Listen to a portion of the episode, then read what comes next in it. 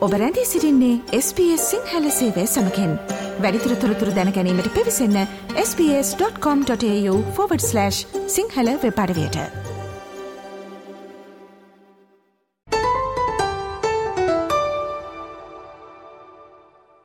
හාරසය අනුව එක family sponsored visa කාටය ගැන තමයි අද දවස අපි කතාබා කරන්නට සූදානමින් ඉන්නේ. ඔස්ට්‍රලියාවේ ප්‍රාදේශය ප්‍රදේශ සඳහා පවුලේ කෙනෙකුගේ අනුග්‍රහයෙන් සුදුසුකම් සපුරන යම්කිසි කෙනෙක්ට මේ වීස කාණ්ඩය ලබා ගැනීමට හැකියාව තිබෙනවා. ඔස්ට්‍රලියාවේ ජීවත් වන යම් කෙනෙක් සිටිනව නම් තමන්ගේ පවුල කෙනෙක්ට මේ හාරසි අනුවක වීස කාණ්ඩයෙන් අනුග්‍රහය දැක්වීමේ බලාපොරොත්තුවෙන් ඔවුන්ට වැදගත් වන කරුණු කාරණා තමයි අද දවසේ අපි සාකච්ඡා කිරීමට බලාපොරොත්තු වෙන්නේ. ඒ සඳහා මෙල්බර්න් සිට අද දවසේ අප සමග සම්බන්ධ වෙනවා බැරිස්ටවරයක් මෙන්ම සොලිසිටවරයක් වන නීතිඥ දිශ්නි ගල්කොටුවේ අසමාන මහත්. අයිබෝන් ඩිශ්නි ඔබට? අයිබෝන් අතිනි.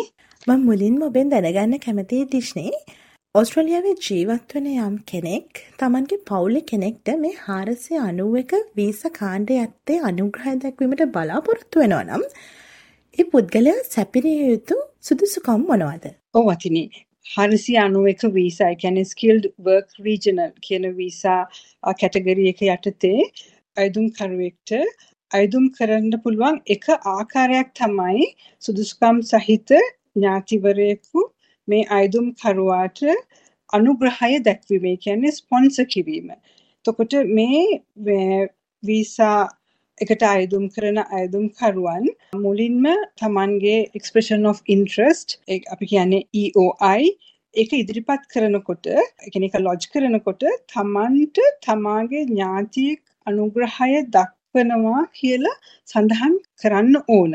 එතකොට එහෙම කරන්න නම් එයාට ඒ වෙනුවෙන් සුදුසුකම් තියෙන ඥාතිවරයෙක් ඔස්ට්‍රේලියාව තුල ජීවත් විය යුතු වෙනවා. එතකොට මේ ඉන්න ඥාතිවරයාට තිබිය යුතු සුදුසුකම් තියෙනවා. ඒ සුදුසුකම් මොනවද කියලා අපි කතා කරොත් අවම වශයෙන් මේ අනුග්‍රහය දක්වන ඥාතියට අවුරුදු 18ට වඩා මේ වයස වැඩි විය යුතු වෙනවා. ඒ වගේම මේ ඥාතියට ඔස්ට්‍රේලියාව තුල ස්ථීර පදිංචිය එහෙමත් නැත්නම් පුරවැසිභාවය තිබිය යුතු වෙනවා.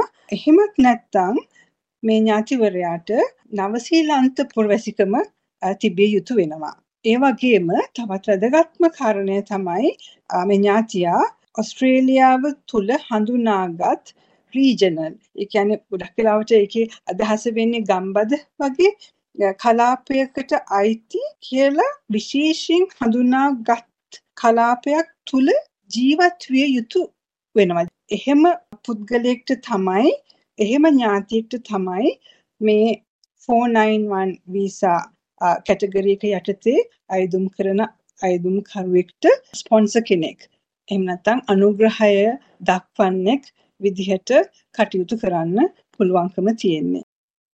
ඒ වගේ මාතිනි මෙහෙම අනුග්‍රහය දක්වන්න සුදුසු ඥාතීන් විදිහට සැලකෙන්නේ අයදුම්කරුවාගේ දෙමාපියෙක් එහෙම නැත්නම් සහෝදර සහෝදරියෙක් එහෙමත් නැත්නම් හදාගත්ත සහෝදර සහෝදරියෙක් අපි කියන්නේ adoptive uh, brother sister එහෙම නැත්නම් අයදුම්කරුවගේ eh, සීයා කෙනෙක් නැත්නම් ආච්චි අම්මා එහෙම නැත්නම් දරුවෙක් එහෙමත් නැත්නම් ස්ටෙප් චයිල්ඩ් කෙනෙක් මාමා හෝ නැන්දා එහෙමත් නැත්නම් uh, ඥාති සහෝදරියන් අපි කියන්නේ ෆස්ට් ෆස්ට් කසින්ස් කියලා. Uh, මෙන්න මේ කාණ්ඩයේ ඥාති සම්බන්ධතාවයක් තියෙන පුද්ගලයෙක් තමයි පිළිගත හැකි ඥාතියෙක් විදිහට අයිදුම්කරුවන්ට අනුග්‍රහය දක්වන්න පුළුවන් කියලා සලකන්නේ.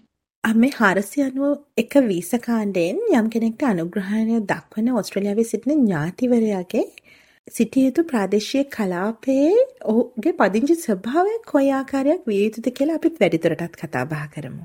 ඔව් එතකොට දැන් මේ මේ වීසා එකට අනුග්‍රහය දක්වන ඥාතිවරයාට තියෙන්න ඕන කියන්නේ ඔප්පු කරන්න ඕන. ඒ ඥාතිවරයාට අපි කිව්වේ අර designated areas ඒ කියන්නේ හඳුනාගත් ප්‍රදේශ ඒ ප්‍රදේශය තුල Tamanගේ කියන්නේ පදිංචිය අපි ගොඩක් වෙලාවට කියන්නේ principal place of residence ඒ කියන්නේ ප්‍රධාන ජීවත් වන ස්ථානය ඔහුගේ ඔහු පවත්වාගෙන යන්නේ ඒ හඳුනාගත් හඳුනාගත්ත කලාපයක කියන බව ඔහු තහවුරු කරන්න ඕන. එතකොට ඒක තමයි මේ මේ වීසා එකට අනුග්‍රහය දක්වන ඥාතිවරයාට තියෙන ප්‍රධානම සුදුසුකම වෙන්නේ. එහෙම නැතුව ඔහුගේ ඔහු රැකියාවට යන ස්ථානය මේ ඒ ඩෙසිග්නේටඩ් ඒරියා එකක තියෙන එක නෙමෙයි. අර තමන්ගේ ස්ථීර පදිංචිය පවත්වාගෙන යන කාරණය තමයි මේ තහවුරු කරන්න ඕන. මේ හරසි අනුවක වීසකාණ්ඩයෙන් යම් කෙනෙක්ට අනුග්‍රහය දක්වන ඔස්ට්‍රලියාවේ සිටින ඥාතිවරයා සිටින ඒ හඳුනාගත් ප්‍රාදේශය කලාපයටම මේ වීස ලාභයා පැමිණිය යුතුද. ඒ පිළිබඳවත් අප කතාබහ කරමු. ඔව් අතිනි සාමාන්‍යයෙන් වෙන්නේ දැන් 491 වීසා එකක් ග්‍රාන්ට් කරනකොට මේ ඒ ග්‍රාන්ට් ලෙටර් එකේ වීසා කන්ඩිෂන්ස් ඒ කියන්නේ අයදුම්කරුවා පිළිපැදිය යුතු වීසා කන්ඩිෂන් සඳහන් කරනවා. එතකොට මේ වීසා කන්ඩිෂන්ස් වලට අනුව එයා ජීවත් විය යුතු එයා අධ්‍යාපනය හදාරුණන් අධ්‍යාපනය ලබන්න ඒ වගේම මේ රැකියාව නිරත වෙන්න එයාට ඩෙසිග්නේටඩ් ඒරියා එක ඒ කියන්නේ හඳුනාගත්ත කලාපය ඒකේ සඳහන් කරනවා. එතකොට ඒ අනුව තමයි ඔහු වීසා කන්ඩිෂන්ස් වලට අදාළව තමයි ඔහු ජීවත් විය යුතු වන්නේ. ඔව් රිෂ්නි. මේ 491 වීසා කාඩෙන් අනුග්‍රහය ලබාගෙන පැමිණෙන වීසා ලාභයා සම්බන්ධයෙන් ඕස්ට්‍රේලියාවේ සිටින ඥාතිවරයාට යම් නීතිමය වගකීමක් වගවීමක් තිබෙනවද? අපි ඒ ගැනත් කතා බහ කරමු අවසාන වශයෙන්. අනිවාර්යයෙන්ම. එතකොට දැන් මේ අනුග්‍රහය දක්වන ඥාතිවරයා අනුග්‍රහය ලබා දෙනකොට යම් වගකීමක් කියන්නේ තමන් මේ මේ වගකීම් වලට යටත් වෙන බවට එයා ලිඛිතව පොරොන්දුවක් දෙනවා. එතකොට ඒකට අනුව අයදුම්කරුවා වෙනුවෙන් මේ කියන්නේ අයදුම්කරුවාව වීසා ග්‍රාන්ට් කරලා අවුරුදු දෙකක් යනතුරු ඔහු වෙනුවෙන් ඔහුට අයදුම්කරුවාට නවාතැන් දීමට අනුග්‍රහය දක්වන ඥාතිවරයා වගකීම ගන්නා බවට සඳහන් කරන්න ඕන සඳහන් කරනවා. ඒ වගේම මේ අයදුම්කරුවාට මූල්‍යමය උපකාර අවුරුදු දෙකක් යනකම් ලබා දෙන බවටත් වගකීමක් තියෙනවා. ඒ වගේම අයදුම්කරුවා වෙනුවෙන් රජයට දරන්නට වෙන යම් වියදම් වෙනවා නම් තිබෙනවා නම් ඒ සඳහාත් මේ අනුග්‍රහය දක්වන ඥාතියා වගකීම ගන්නා බවට සඳහන් කරනවා. ඒ වගේම අයිදුම්කරුවාගේ රැකියාව සම්බන්ධයෙන් අයිදුම්කරුවාට පිළිපැදිය යුතු වන නීති රීති සියල්ලම අයිදුම්කරුවා අනුකූලතාවය දක්වන බවට අනුග්‍රහය දක්වන ඥාතිවරයා වග කියනවා. වග කියන බවටත් සඳහන් කරනවා.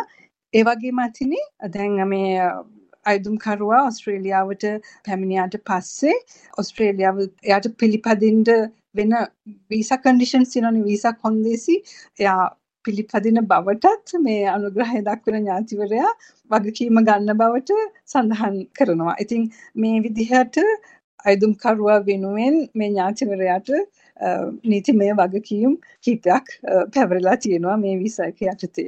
ඔව් අපි අද දවසේ කතා බහ කරමින් සිටියේ 491 ෆැමිලි ස්පොන්සර්ඩ් වීසා කාණ්ඩය යටතේ තමන්ගේ පවුල කෙනෙක්ට අනුග්‍රහය දැක්වීමට බලාපොරොත්තු වෙන ඕස්ට්‍රේලියාවේ වෙසෙන කෙනෙක් සපුරාලය යුතු සුදුසුකම් මොනවද ඒ වගේම ඔවුන් වෙත පැවරෙන වගකීම් මොනවද කියන කාරණය සම්බන්ධව.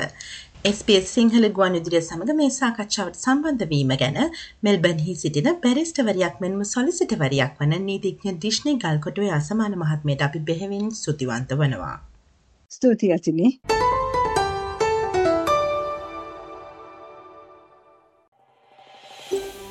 මේ වගේ තවත්තොරතුරු දැනගන්න කැමතිද. එහෙමනම් Apple podcast Google podcast Spotify ඔබගේ පොඩ්කාස්ට ලබාගන්න ඕනෑම මාතයකින් අපට සවන්දය හැකේ.